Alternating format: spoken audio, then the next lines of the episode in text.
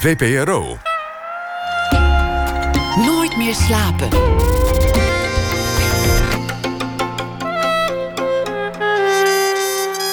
Met Liesbeth Staats. Goedenacht en welkom bij Nooit meer slapen. We zijn er tot 1 uur vannacht en in die tijd ga ik in gesprek met Bas de Vos, Brusselaar met Vlaamse roots, vader en regisseur.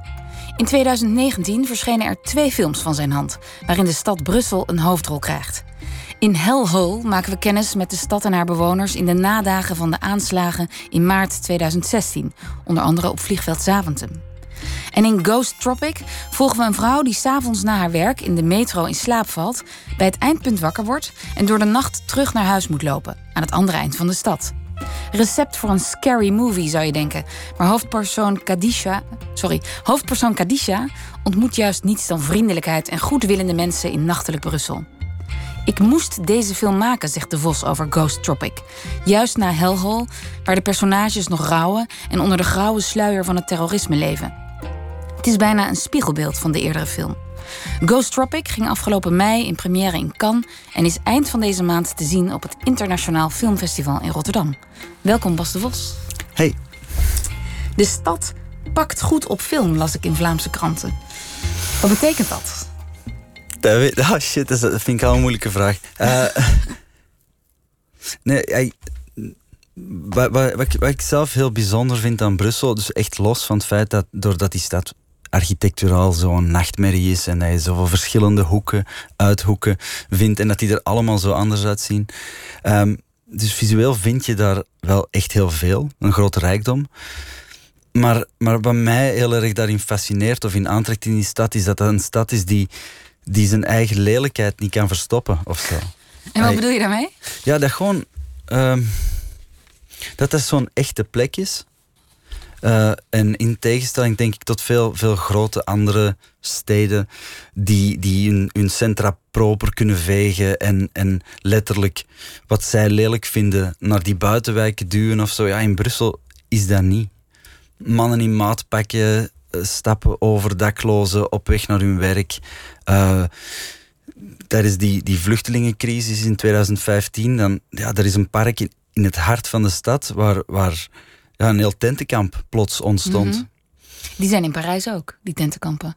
Maar dan toch meer uh, buiten het toeristische centrum? Ja, dat weet ik, ja, bon, dat weet ik eigenlijk niet. Maar ik herinner me Calais in elk geval. Ja. Maar ja, dat, dat is iets dat ik heel bijzonder vind aan Brussel. Zo. Dat als je je camera op, op straat zet, dat je zoiets echt ziet. Ja. Niet iets opgepoetst.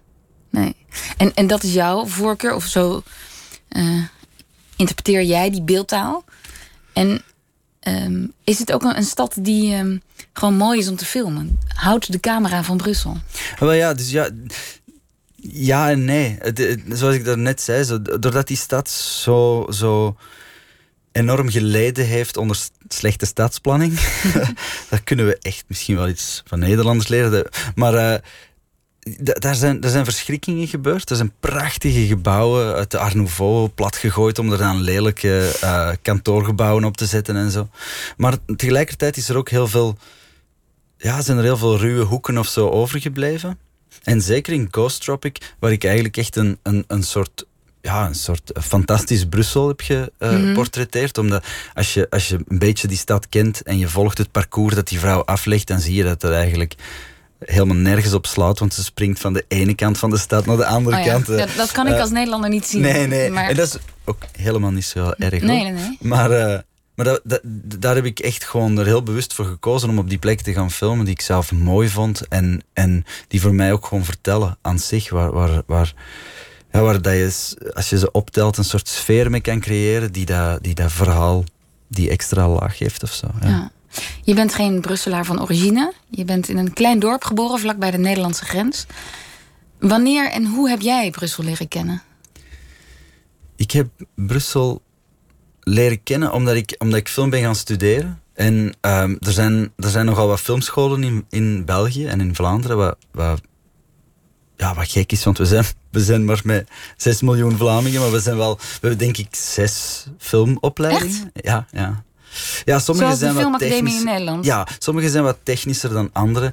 En ik was wel op zoek naar een. Naar een, een ah, ik, ik, ik was 18 jaar en ik wist echt helemaal van niks. Maar ik had wel het gevoel dat ik, ehm, dat ik vooral op zoek was naar zo'n regieopleiding. En iets waar ik denk ik artistiek ook ehm, wat diepgang zou vinden. Ehm, en dan ben ik uitgekomen bij Sint-Lucas. Uh, een school die nu omgedoopt is tot Luca. En deel is gaan uitmaken van een, een veel grotere scholengroep. Zo, als dat dan gaat in... Uh, in heel Europa, denk ik. Ja, in die 21ste eeuw. En, en ja, eigenlijk in het begin was, was Brussel voor mij een soort noodzakelijk kwaad. Het was gewoon de plek waar die school stond. Ik voelde me daar niet thuis. Ik vond dat een heel erg uh, indrukwekkende plek. En ik, ja, ik, ik was echt jong ook. En ik kwam ook van zo'n gezellig boerendorp. Uh, dus dat was vooral de overgang, dorp en stad. Ja, en dat heeft me toch wel ook echt een jaar of twee gekost als student, denk ik, om zo ja, om me, gewoon een beetje thuis te beginnen voelen in die stad. En eigenlijk ook te beginnen zien wat, dat, wat die stad is en wat dat oplevert of zo. Uh, een, een anonimiteit die, dat, die soms heel erg fijn kan zijn. En een, en een, een, kunnen induiken in een, uh, ja, in een soort groot amoreel draaiend systeem of zo van mensen. Uh, ja, en, en, en ik denk echt zo, ja, in die eerste twee jaar of zo eh, ontdekken hoe fijn dat ik het vond om, om, om die mensen te zien. Mhm. en, en al die verschillende mensen te zien. Brussel is de tweede meest diverse stad ter wereld. Oh ja? Nou, Dubai blijkbaar. Ah, dat wist ik niet. Nee. En, en, en was dat het grote onbekende? Was dat wat het ongemakkelijk maakte? Ja, ik denk. Het is moeilijk om, om dat me goed te herinneren. Ik denk dat het er gewoon veel mee te maken had dat ik zo jong was.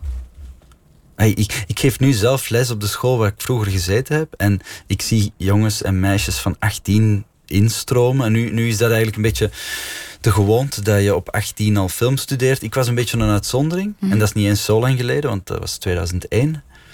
Ehm, letterlijk vijf dagen na 9-11. En toen was, ik, toen was ik zo een van de weinigen die op 18 al film ging studeren. Vaak hadden mensen eerst filosofie of, of zoiets ja, ja. Uh, die hadden wat levenservaring al uh, opgedaan. Ja, ja, en die waren dus... Ah, bon, er waren ook veel mensen die, die in steden waren opgegroeid en die veel minder moeite hadden, denk ik, met die overgang. Voor mij was dat toch... Ja. Sprak je Frans eigenlijk? Ja, ja. Um, ik heb zo'n algemene opleiding in het middelbaar gehad en in de middelbare school gaat. En um, dan spreek je een woordje Frans. Maar dat dan doen en, en je Frans gebruiken en zo. En daar, uh, ja, daar je veilig of zo bij voelen, dat is toch nog iets anders. Je vertelde in een interview, en dat wist ik niet, dat twintig jaar geleden toen je daar aankwam, uh, het Frans nog veel dominanter was in Brussel. Dat dat aan het veranderen is. Ja, bon, er zijn veel trends. Hè. Heel lange tijd is Nederlands wel moeilijk geweest in Brussel. Um, de, de, de dominantie van dat Frans, dat, dat had wel soms tot gevolg dat je als, als Vlaams sprekende, als Nederlandstalige, wat gemarginaliseerd werd. En daar, daar waren nog wel restanten van hoor. Als ik in het begin zo op school zat en als ik in Nederlands bier bestelde op café, dan werd ik soms gewoon genegeerd. Zo. Ja. En dat is wel voorbij. Er is een. Uh, er is een, een, een sowieso, wat, dat is eigenlijk de belangrijkste dynamiek, denk ik, in die stad. Die stad is een stad van minderheden aan het worden. Op dit moment is, zijn, is het de thuistaal, denk ik, nog net 50,1% een meerderheid Frans. Maar dat is een kwestie van jaren vooraleer dat, dat het Frans eigenlijk ook een minderheid als thuistaal zal worden. Mhm. En dat is wel heel boeiend. Dus, en wat is dan de andere wat zijn de andere grote talen? Nederlands? Nederlands, Engels. Um, Door de Europese Commissie? Ja, ja, ja. Uh, uh, en dat is dan um, veelal een soort bastard Engels, hè, want niemand spreekt echt goed Engels in de Europese instellingen. Um, Spaans, veel Spaans, veel Arabisch. Uh, ja, er zijn, ik durf het niet juist te ik, er zijn meer dan 100 nationaliteiten in Brussel, dus ja, het is gewoon een enorme waaier aan talen. En dat maakt dat gewoon tot, tot een, een, een, ja, een heel spannende plek. Een soort van, ja, een soort van, van laboratorium vind ik. Uh, om, omdat ik denk dat, dat, dat, dat de wereld daarheen zich beweegt. Steden die diverser en diverser zullen worden. Door allerlei uh, geopolitieke redenen. Um, en, en Brussel is, is, is het onderzoeken waard. Ik denk een heel bijzondere stad voor sociologen en zo. En voor filmmakers, want Absoluut. die onbekendheid en, en die diversiteit... die vormden de inspiratie voor Hellhole. De film die ik noemde in de introductie, die je ook in 2019 maakte. Um, wat, wat voor film wilde je in eerste instantie maken toen je begon aan dat script?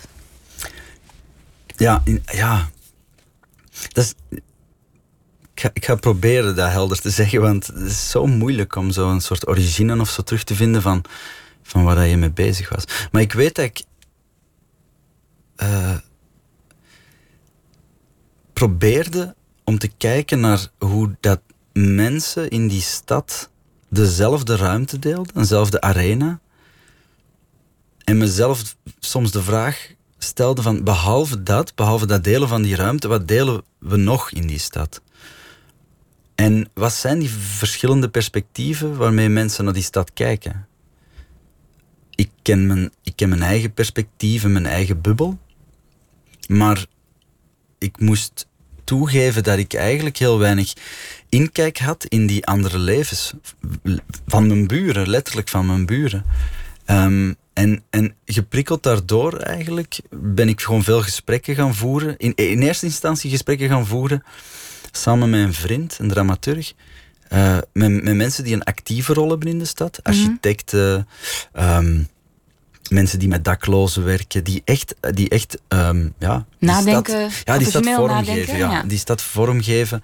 Um, en gaandeweg gevoeld van, ah, ik denk eigenlijk dat ik op zoek ben naar personages die, die een passieve rol in die stad spelen. Die die stad eigenlijk bleven zoals ik, maar vanuit hun eigen perspectief. En, en heel langzaam begon ik begon dat idee te groeien om een film te maken waarin je drie personages die heel erg uh, anders zijn, die heel erg verschillend zijn, een hele andere achtergrond en een heel andere reden hebben misschien om in die stad te zijn. En die stad ook gewoon heel anders beleven. Ja. En um, ja, om, om eigenlijk te onderzoeken hoe, hoe weinig ja, die, daar contact is, hoe weinig wrijving er is tussen die verschillende werelden. Men leeft langs elkaar heen. Ja, voor een stuk natuurlijk ook gewoon heel logisch. Um, maar, maar ergens zat vanaf het begin, denk ik, in die film verweven die vraag van... Um, de enige manier waarop zo'n complexe stad als Brussel kan bestaan, is het toch om een soort van gemeenschappelijk verhaal te vinden. En, en zijn, we daar, zijn we daar naartoe aan het navigeren of net niet? Dat was voor mij een grote onzekerheid en, en, een, en een vraag waar ik niet noodzakelijk snel een antwoord op vond. En ook niet, mij ook niet onmiddellijk een beeld kon vormen van wat ik daar dan wel mee bedoelde of zo, zo'n gemeenschappelijk verhaal. Je zat midden in dat proces. Het script zat letterlijk in je rugzak. Toen werd het 22 maart 2016, de dag van de aanslagen in Brussel, onder andere op vliegveld Zaventem. Waar was jij die dag? Ik was in Gent. Ja, ik, ik, ja, ik was op weg naar Gent met de trein als ik zo via sms en, e-mail zo berichten begon te krijgen van ah, er is iets gaande. En dat was eerst in de luchthaven en dan niet zo heel veel later uh, in de metro. In Maalbeek, hè? De ja, dijk Maalbeek. Ja. Maalbeek is uh, een metrostation vlakbij de Europese wijk eigenlijk. En dat, dat is allemaal niet zo heel erg ver van het centrum van de stad. En ik woonde toen met mijn vriendin en mijn uh, dochtertje, die toen een jaar was, ja, één was. Um, ja, eigenlijk ja, op een steenworp van die plek af. En mijn vriendin en mijn dochtertje waren toen op weg naar de crash. En, en moesten daar blijven. Er, werd, er volgde een soort van lockdown op en iedereen moest binnen blijven. Kon je ze bereiken? Ja, ik heb, haar, ik, heb hem wel, ik heb haar wel gesproken. Maar het maffe was, nu begint het terug te dagen wat het er toen. Ik moest naar Gent om te spreken over mijn eerste film, Violet die, ik had hier uh, studenten hadden die gezien en ik moest met die studenten uh, op die filmschool in Gent erover gaan spreken. En dat was zo enorm absurd. Ik vond dat zo bizar om daar te zitten en te spreken met studenten over zoiets banaal als een film. En, en dat moet voor die studenten ook raar zijn geweest. Ja. Of hadden die het nog niet door? Die hadden het wel door, maar er was wel een soort van letterlijke afstand voor hen. Dat was heel maf, want die hadden zoiets, we zijn in Gent. die, waren daar, die gingen daar denk ik wel... Dat, dat, dat zonk nog niet helemaal in of zo, denk ik. Terwijl voor mij was dat ja, natuurlijk... Uh, ja, een soort... Uh, uh, ja, dat nam ruimte in, uiteraard, in mijn hoofd. En het maffe was dat ik natuurlijk heel graag zo snel mogelijk terug naar Brussel wou, maar dat er geen treinen meer waren. Of tenminste geen treinen die Brussel nog passeerden. En ik heb eigenlijk de rest van de dag erover gedaan, want ik kan geen auto rijden. Hilarisch. Ik heb eigenlijk de rest van de dag erover gedaan om van Gent via een grote omweg dan toch finaal s'avonds met de trein terug in Brussel te belanden en gewoon mijn vriendin te, zien. Ja. ja. Het ironische, of nou ja, het, het frappante is dat je bezig was, in ieder geval in je hoofd, in die weken, met dat script van Hellhole. Dat toen nog niet zo heette, denk ik. Maar dat je bezig was met je af te vragen hoe gaan al die groepen met elkaar om? Wat is, ons, wat is onze verbinding? Wat, wat, bindt ons? En boem, zo'n zo'n reeks aan bommen. Nou ja, knipt letterlijk die, die mogelijke gemeenschappelijkheid weer door. Wat, wat betekende dat voor jouw film? Ja, mijn film was al zo erg gemuteerd tegen die tijd. Um, was eigenlijk al een beetje gewond, vond ik. Doordat sinds Parijs, november 2015, de straten van Brussel gewoon ja, eigenlijk ingenomen waren door, door militairen. Um, als ik s ochtends mijn, mijn dochtertje naar de crash bracht, dan, dan, dan passeerde ik groepjes mannen in camouflageuniformen met enorme geweren. Um, en dus er was al, al die maanden lang was er, was er al iets dat broeide en dat leefde. En, en dat had al een impact gehad op mijn script. Die, die militairen hadden al hun plek gekregen in die, in die film. Dus ik was eigenlijk continu aan het herschrijven en aan het, ja, een beetje aan het uh, uh, verwerken wat dat er in real time aan het gebeuren was of zo. Want wat betekent dat eigenlijk als je iedere dag op je stoep uh, gewapende militairen tegenkomt? Geen idee. Wat betekent dat? Um, Wat deed het met jou? Hij maakte mij opstandig en boos. Ja. En hoe kwam dat terug in je script? Ja, als, als iets dat, dat, dat nu eenmaal niet onschuldig was. Hey, ik denk dat het perspectief dat dat, dat, eigenlijk, ja, en, en die aanslagen doen dat ook of zo. Maar specifiek die militairen um, waren interessant, omdat dat de manier waarop mensen daar naar kijken verschilde gewoon. Voor mij, hoewel ik dat niet zo ervaarde, maar je zou kunnen zeggen, voor mij was dat misschien een soort geruststelling. Mm Oh, die zijn hier en de kans dat er nu iets gaat gebeuren is kleiner, want dat is een soort afschrikking of ik weet dat niet. Maar dat is iets helemaal anders voor een, een jonge gast um, die in Molenbeek woont en die vier keer per dag zijn rugzak moet open doen, uh, of die vaker dan nodig gecontroleerd wordt en die zich geviseerd voelt. Dus dat, dat, dat was me wel duidelijk, dat, dat, hoe dat ik naar keek, ja, gewoon anders was voor sommigen. En dat dat direct sprak over, over iets dat al in dat, dat scenario verwerkt zat. Uh, ja, een soort vraagstelling over hoeveel vrijheid heb je en, en, en hoe groot is je Brussel en, in hoe, en hoe sterk bepaalt misschien je achtergrond en je context of zo, ja. je eigen vrijheden. En uiteindelijk is Hellhole een, nou in ieder geval al genoemd naar een uitspraak van Donald Trump, die toen over Brussel sprak na de aanslagen als een hellhole. Um, en we maken daar kennis met personages die allemaal te maken hebben met de nasleep van die aanslagen. Niet heel expliciet, het wordt nergens echt genoemd. Maar er is een, een arts die een zoon heeft die gevechtspiloot is in het Midden-Oosten.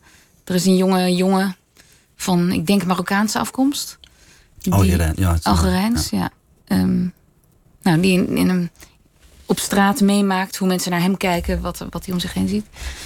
En er is een meisje of een jonge vrouw die, bij, die tolk is voor de Europese instellingen.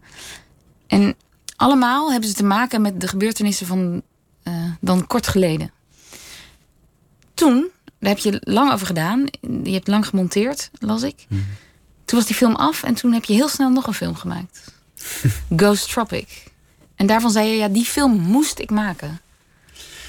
Ik ging Ja. niet wachten op fondsen of eh, subsidies. Nee, nee, die film is wel echt op een heel bijzondere manier tot stand gekomen. Want films maken is een lang proces meestal. En zeker het, het financieren van films is een lang, vermoeiend proces. Bureaucratisch. Eh, ja, ook. Ja.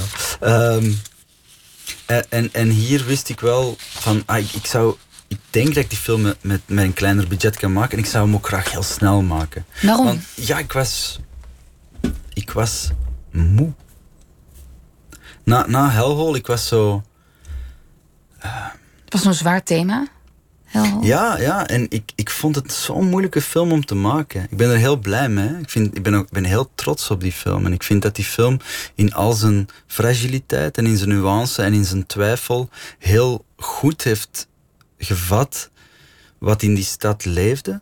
Ehm, zonder te vervallen in platitudes of zonder eh, ja, de kanten eraf te lopen of zo. Maar dat had wel veel van me gevergd, zo. dat voelde ik. En, en ik denk dat er ook met mezelf ergens al een soort van. Ja, iedere keer als je een film maakt, ben je ook bezig met wat dat je niet maakt. Je, je merkt. Je bent zo bezig met wat het er in die film gaat, dat je eigenlijk niet anders kan dan je ook bewust zijn van wat het er niet in kan. Wat er niet in geraakt. En wat er toen niet in geraakte was meer licht.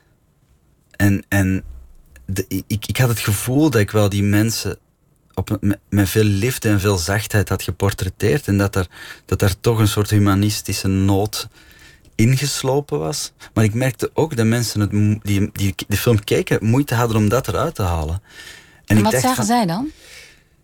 ja, het hangt er heel erg vanaf met wie dat je dan spreekt of zo. Want sommige mensen zien niet een film die. Ik zag die zachtheid wel. Het zijn allemaal mensen die proberen zo goed en zo kwaad als het ga- gaat zich te redden in de samenleving. En het zijn hele intieme portretten. Er gebeurt niet heel veel. Het zijn mensen die proberen de dag door te komen, zou je kunnen zeggen. En ik las inderdaad dat sommige mensen hem afstandelijk vonden. Mhm. Maar ik, ja, ik snapte niet goed wat hij dan bedoelde.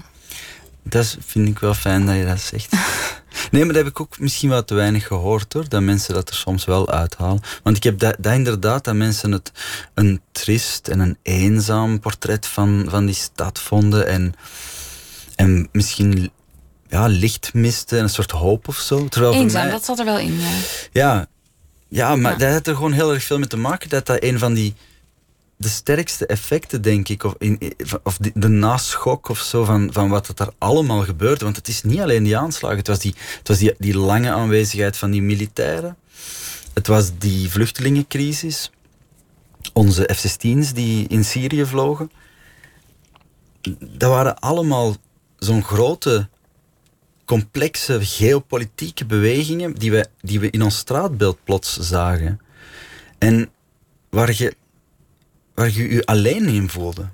Als je erover nadacht, dan merk je gewoon van, ah ja, oké, de manier waarop ik daarover denk. ehm, ik merkte al hoe moeilijk, moeilijk het was om bijvoorbeeld over die militairen met mijn eigen vriendin te spreken. Die daar dan weer anders naar keek dan ik of zo. Dus ik, ik ja, en dan wat het er dan gebeurde, die, die, die, die aanslagen, die, die versterkten dan nog. Een soort teruggeworpen worden op jezelf. En dan heel langzaam daar uitklimmen, terug die metro instappen en terug onder mensen zijn. Hoe vond jij dat? Was je bang? Mm, ja.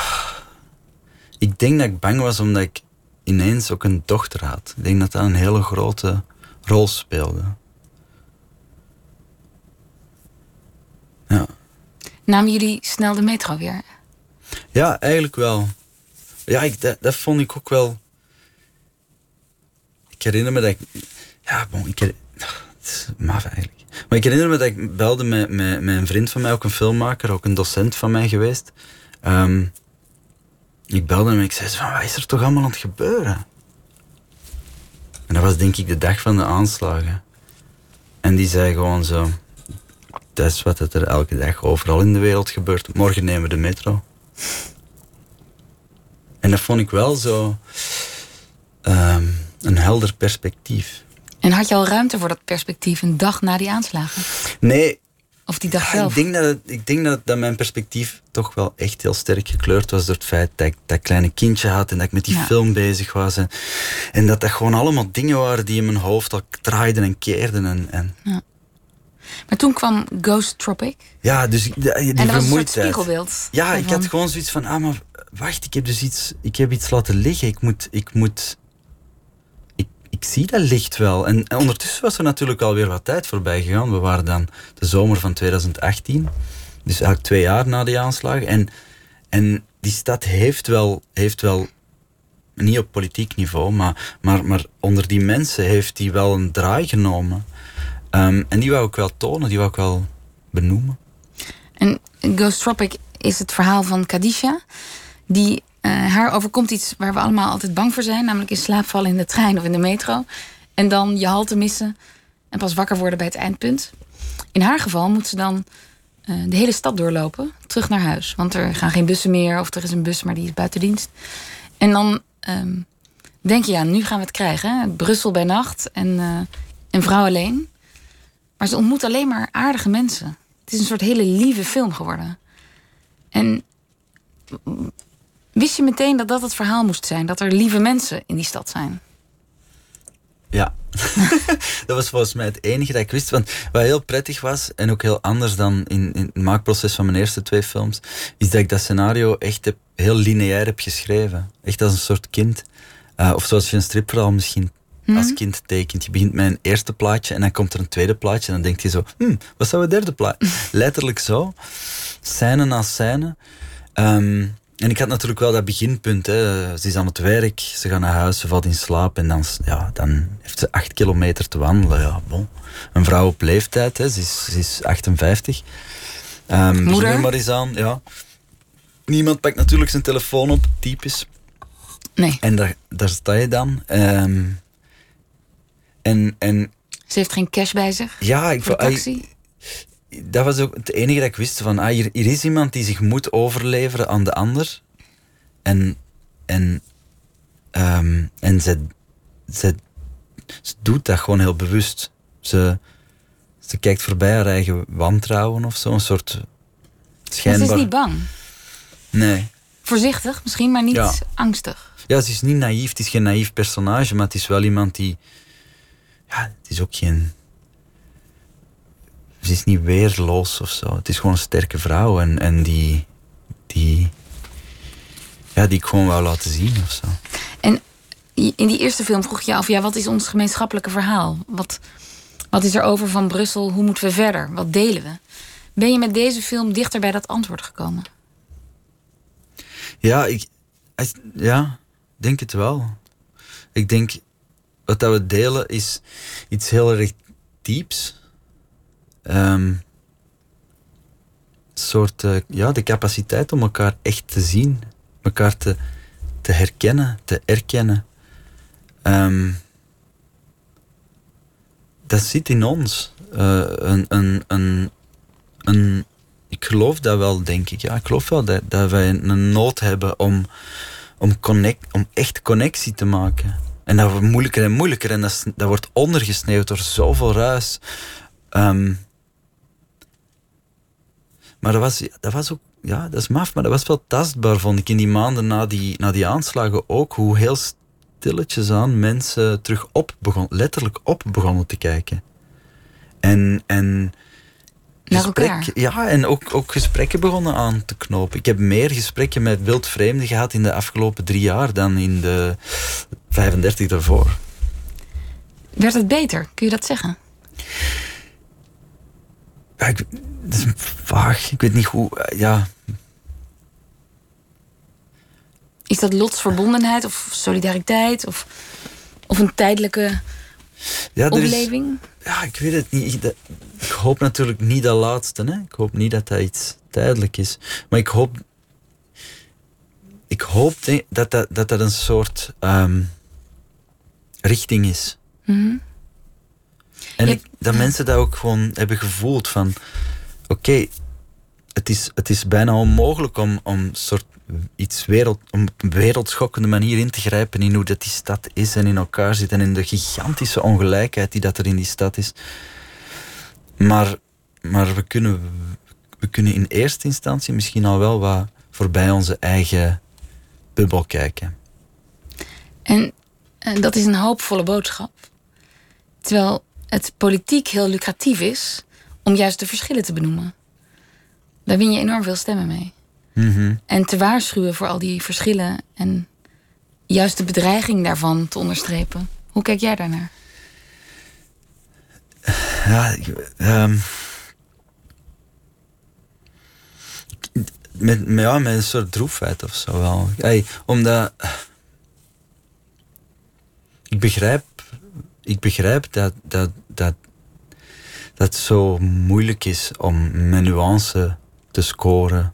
En dat woorden als verbinding klinken alsof ze uit de catechese komen of zo.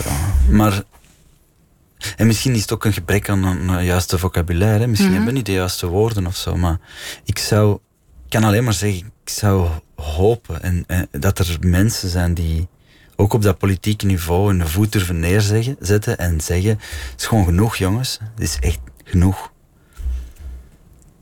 Dit, dit, dit is wat het is.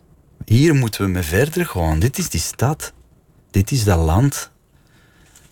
Nee, dat is niet perfect. Niks is perfect. Maar fuck it, ey.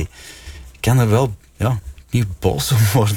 Boos om worden om, om, om die, die blindheid voor hoe dat die werkelijkheid echt is. Maar als je het woord blindheid gebruikt, dan zijn er nu eh, drie politici die zeggen blindheid. Dat is juist als je je ogen sluit voor de grote problemen die er met die diversiteit en die ehm, nou ja, verscheidenheid in die grote steden eh, gepaard gaat. Bijvoorbeeld de intolerantie voor homoseksualiteit, die toeneemt naarmate een stad diverser wordt. Bijvoorbeeld. Ja, maar de, opnieuw, ik heb, geen, ik heb gewoon geen makkelijke antwoord. Hè. Dus, dat is hypercomplex. Super moeilijk om, om, om te spreken over zo'n systeem van mensen, zo'n zo'n enorme massa van mensen die allemaal hun eigen dromen, wensen, hopen, verlangens hebben. Maar tegelijkertijd zit daaronder toch altijd heel erg veel dat ons bindt. We zijn daar allemaal eigenlijk om een thuis te vinden.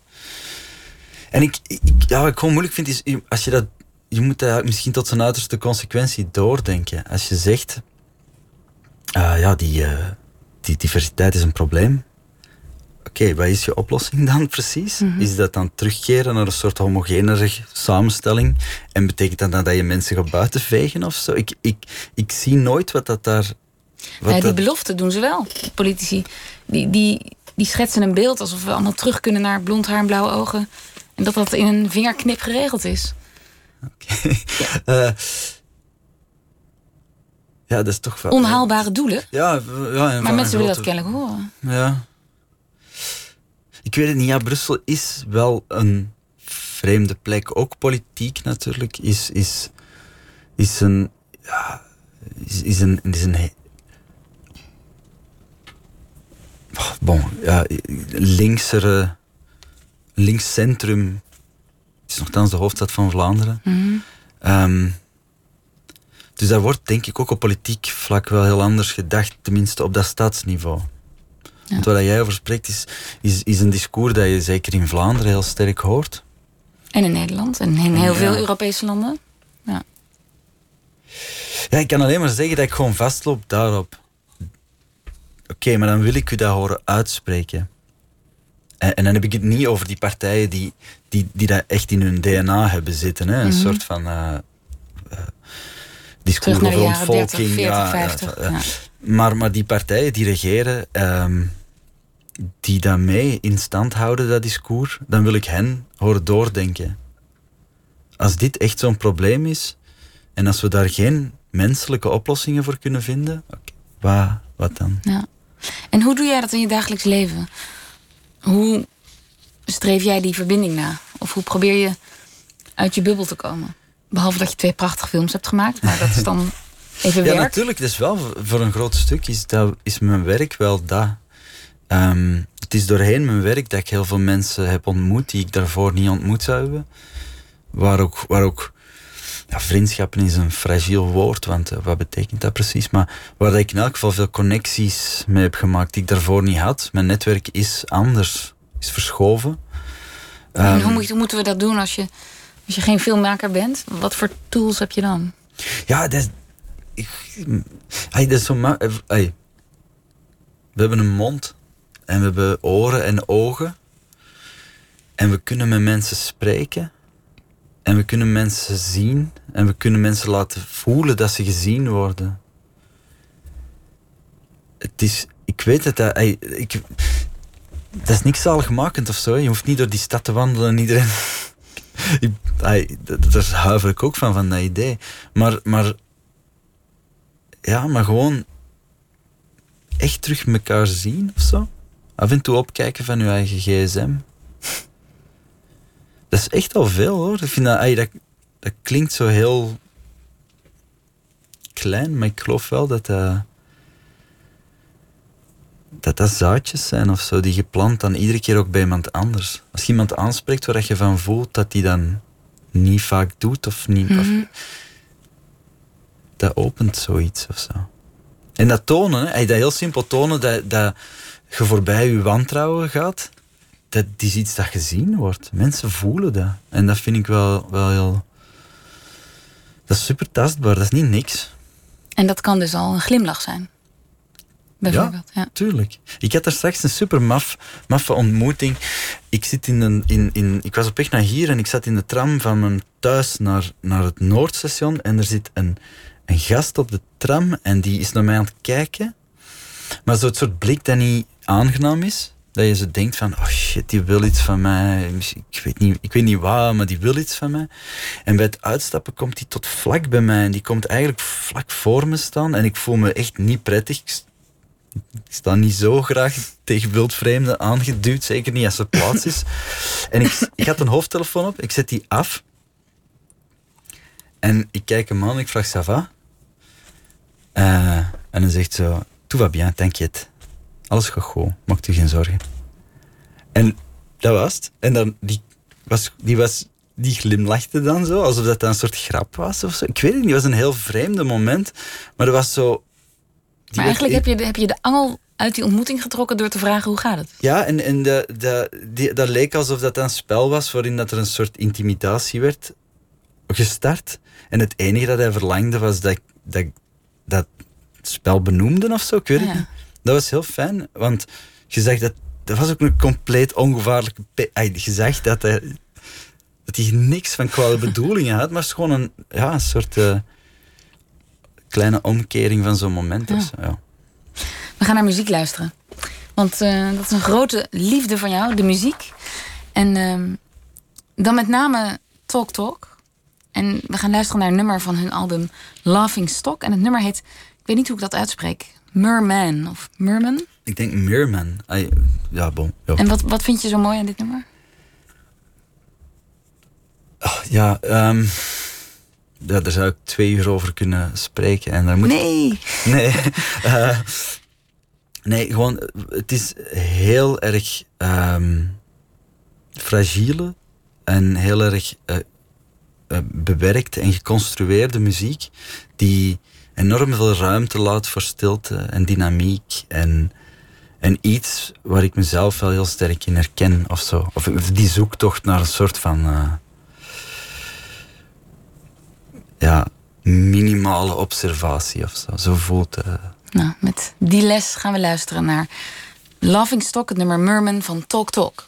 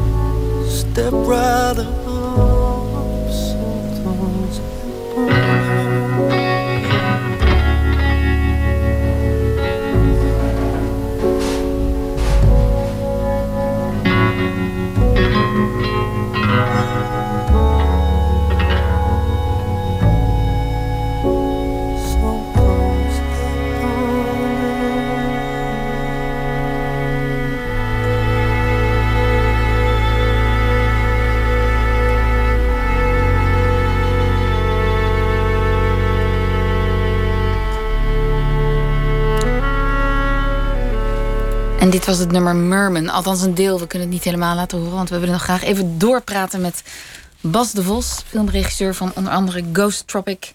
de film die in Rotterdam op het filmfestival te zien is eind deze maand. We hadden het, Bas, net over ehm, nou ja, de, de stille krachten in een stad als Brussel... die zo verdeeld is geweest ten tijde van de aanslagen.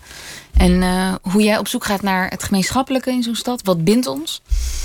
Ehm, je zei, ja, iemand zei naar, na het zien van Ghost Tropic: kindness has become a revolutionary thing. Ehm, aardig zijn is een daad van revolutie.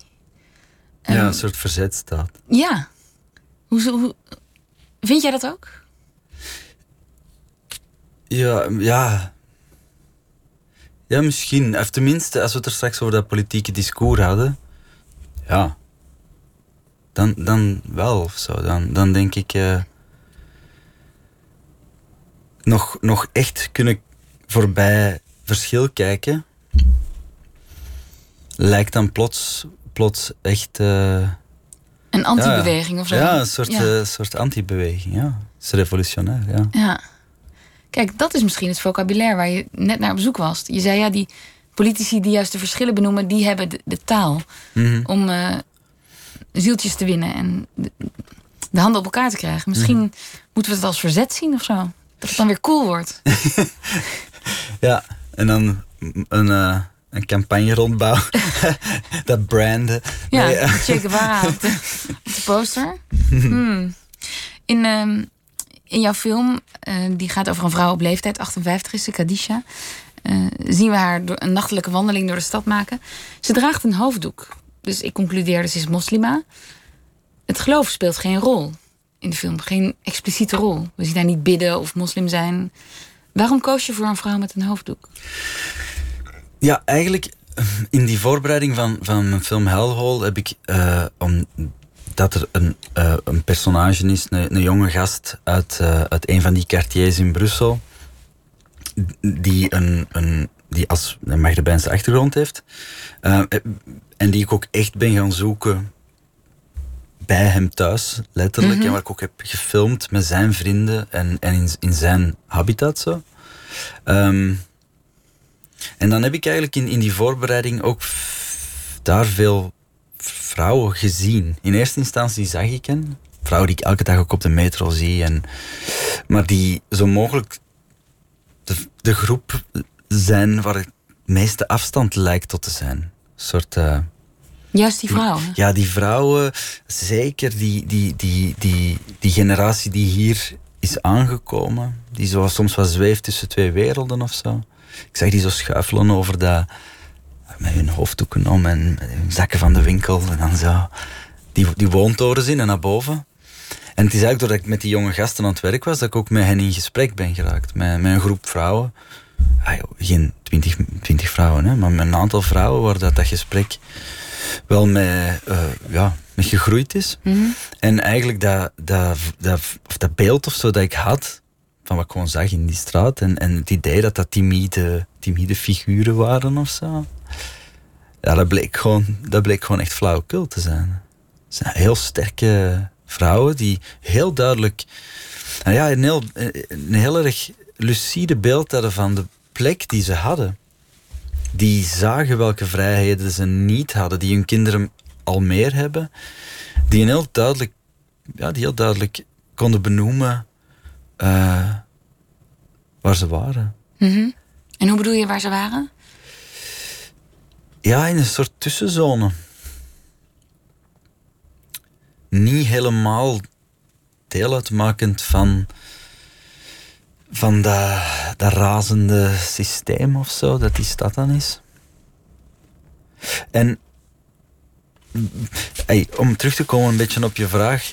eh, ik- ik- wat ik toen gewoon voelde, was van, ah shit, ik, ik, ik wil iets met die vrouwen doen. Dit zijn zo'n mooie vrouwen. En, en in Hellhole was er geen plaats. Letterlijk. Ik wist niet hoe dat ik dat Nee. moest krijgen. Het was ook te laat. Ik, had echt, ik moest filmen. Ehm, en een van, een van die dingen die bleef hangen was, ik moet een film maken over zo'n moeder. Eh, wat het dan ging zijn, wist ik niet.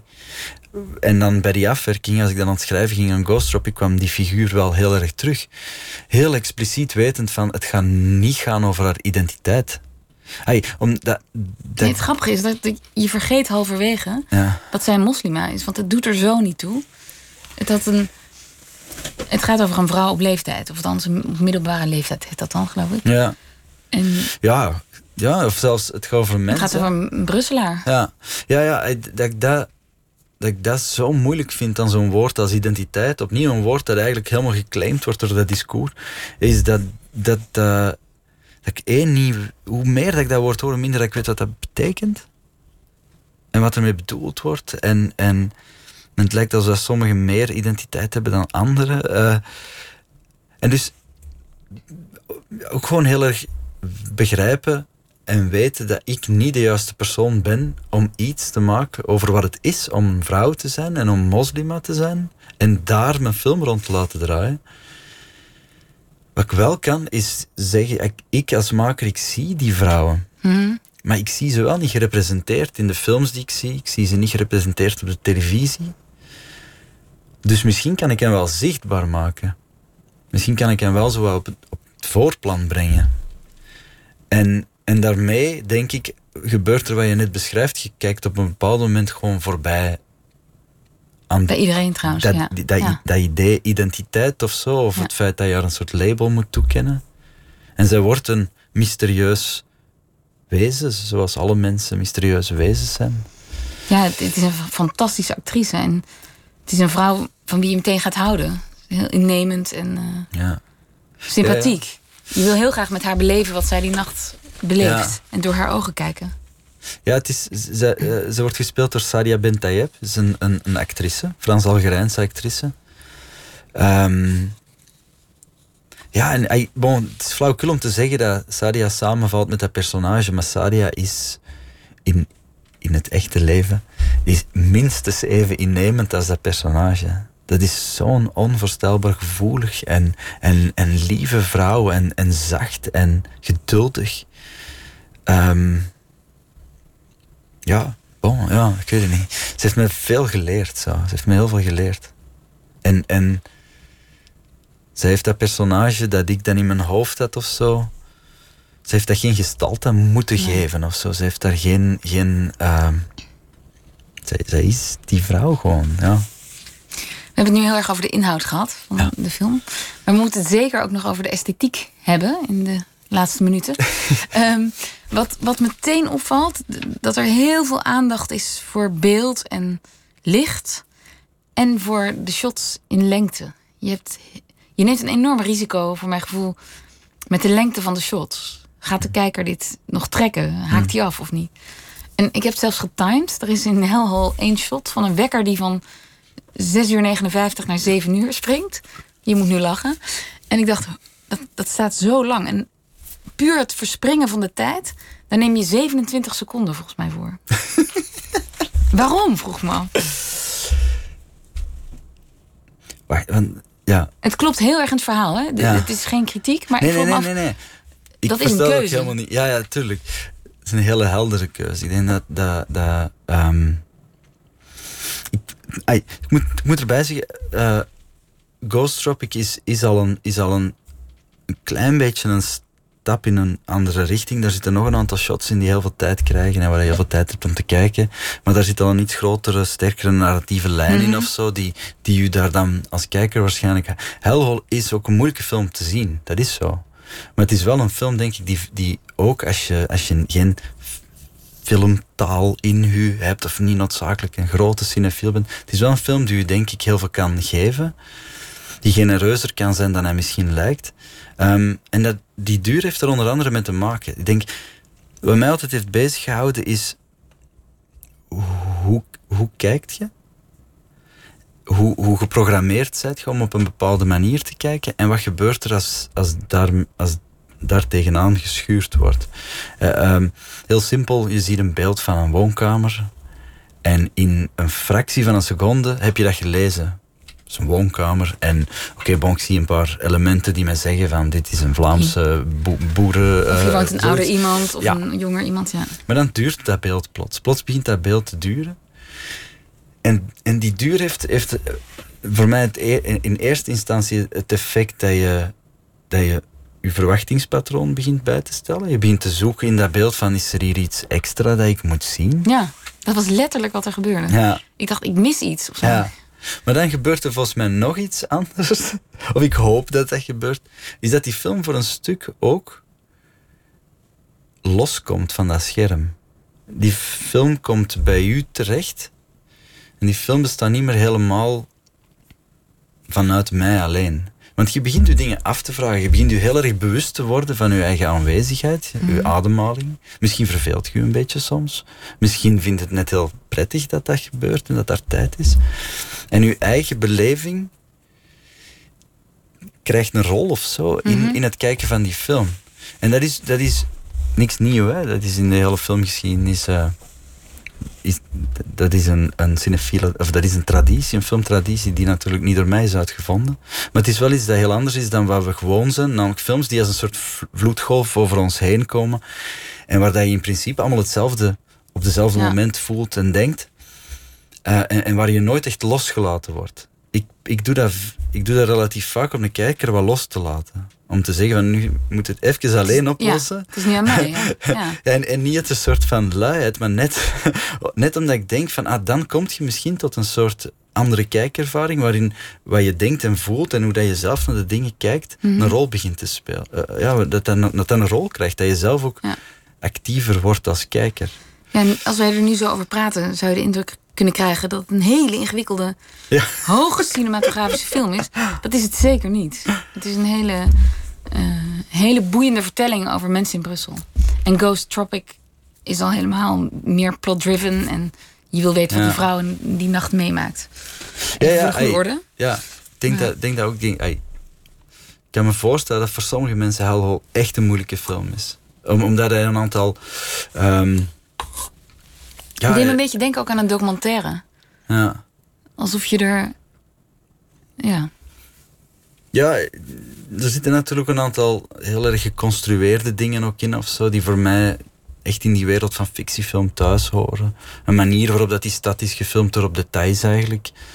en op ruimtelijkheid in te spelen. Eh, de klank is ook heel erg geconstrueerd en is ook heel erg van belang. Ehm, Ja, maar zo'n scène als jongens in het park... ja, waar ja. wat vluchtelingen hangen en Ja. wat randfiguren. Mhm. Nou ja. Ja, ja, ja, klopt. Die, die is gewoon, ge- ja, de film is wel letterlijk gefilmd in, in die levende stad of zo. Dat was wel van belang. Wanneer ontdekte je je eigen stijl in de film? Eh, eigenlijk weet ik dat niet zo goed, want ik heb ook het gevoel dat die wel heel erg verandert. Hè. Mijn eerste film, hey, mensen zullen zeggen, het is onzin Bas, je ziet direct dat dat een film is van nu of zo. Maar, maar, maar ik, ik weet bijvoorbeeld heel sterk dat ik nooit meer mijn eerste film zou maken. Ik weet ook dat ik niet nog eens een film als Hellhole zou maken. En ik weet nu, het is nog iets te vers, maar ik heb het gevoel dat ik niet noodzakelijk als vierde film een, tweede Ghost Tropic ga maken. Maar je weet misschien ook dat je nooit een James Bond gaat maken. Nee, dat, die kans lijkt me klein. Ik ben wel heel nieuwsgierig hoe dat mijn James Bond er zou uitzien. En dan nu Oké, zien we verkeerd voorbeeld. Ja, Verkeerd voorbeeld. eh, maar eh, ja, maar ehm, ik weet wel dat ik op school eh, heb ik een jaar gedubbeld en dan heb ik een, een korte film gemaakt die een soort aanzet was. Een aanzet voor een soort andere manier van, van maken, een andere manier van kijken. En ik weet dat ik toen dacht, aha, En als u die stijl eh, wilt zien van Bas de Vos, dan moet u naar Rotterdam op het Internationaal Filmfestival draait Ghost Tropic. Dank Bas de Vos en dank voor de reis die je maakte van Brussel naar Hilversum voor dit gesprek. Maandag zijn we er weer. Dan spreekt Pieter van der Wielen met de Rotterdamse stadsdichter Dean Bowen. In 2018 verscheen zijn eerste dichtbundel, Bokman.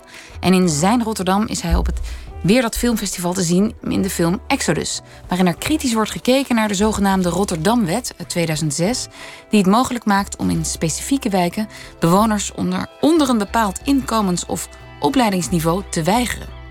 Dat maandag, nu Miss Podcast van de Afrotros en ik wens u nog een heel goede nacht.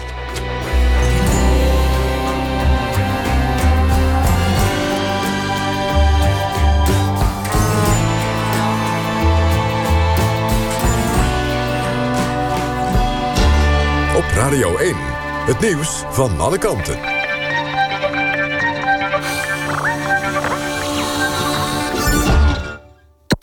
NPO Radio